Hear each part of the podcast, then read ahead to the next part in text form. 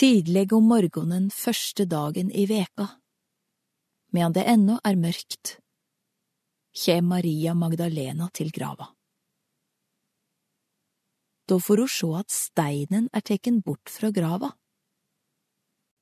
Hun spring av stad og kjem til Simon Peter og den andre læresveinen, han som Jesus hadde kjær, og sier til dei, Dei har teke Herren ut av grava, og vi veit ikke hvar de har lagt han.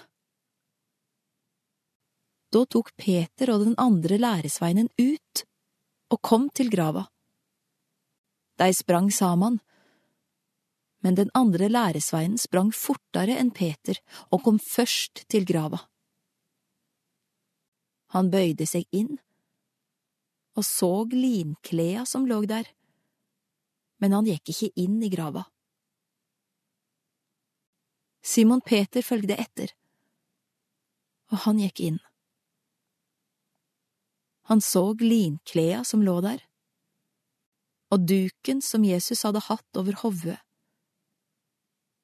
Den lå ikke sammen med linklea, men samenrulla på en stad for seg.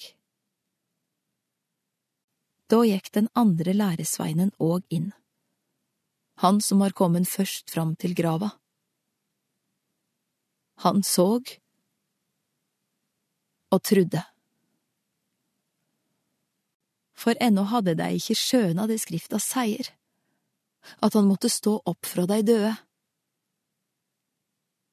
Så gikk læresveinene heim.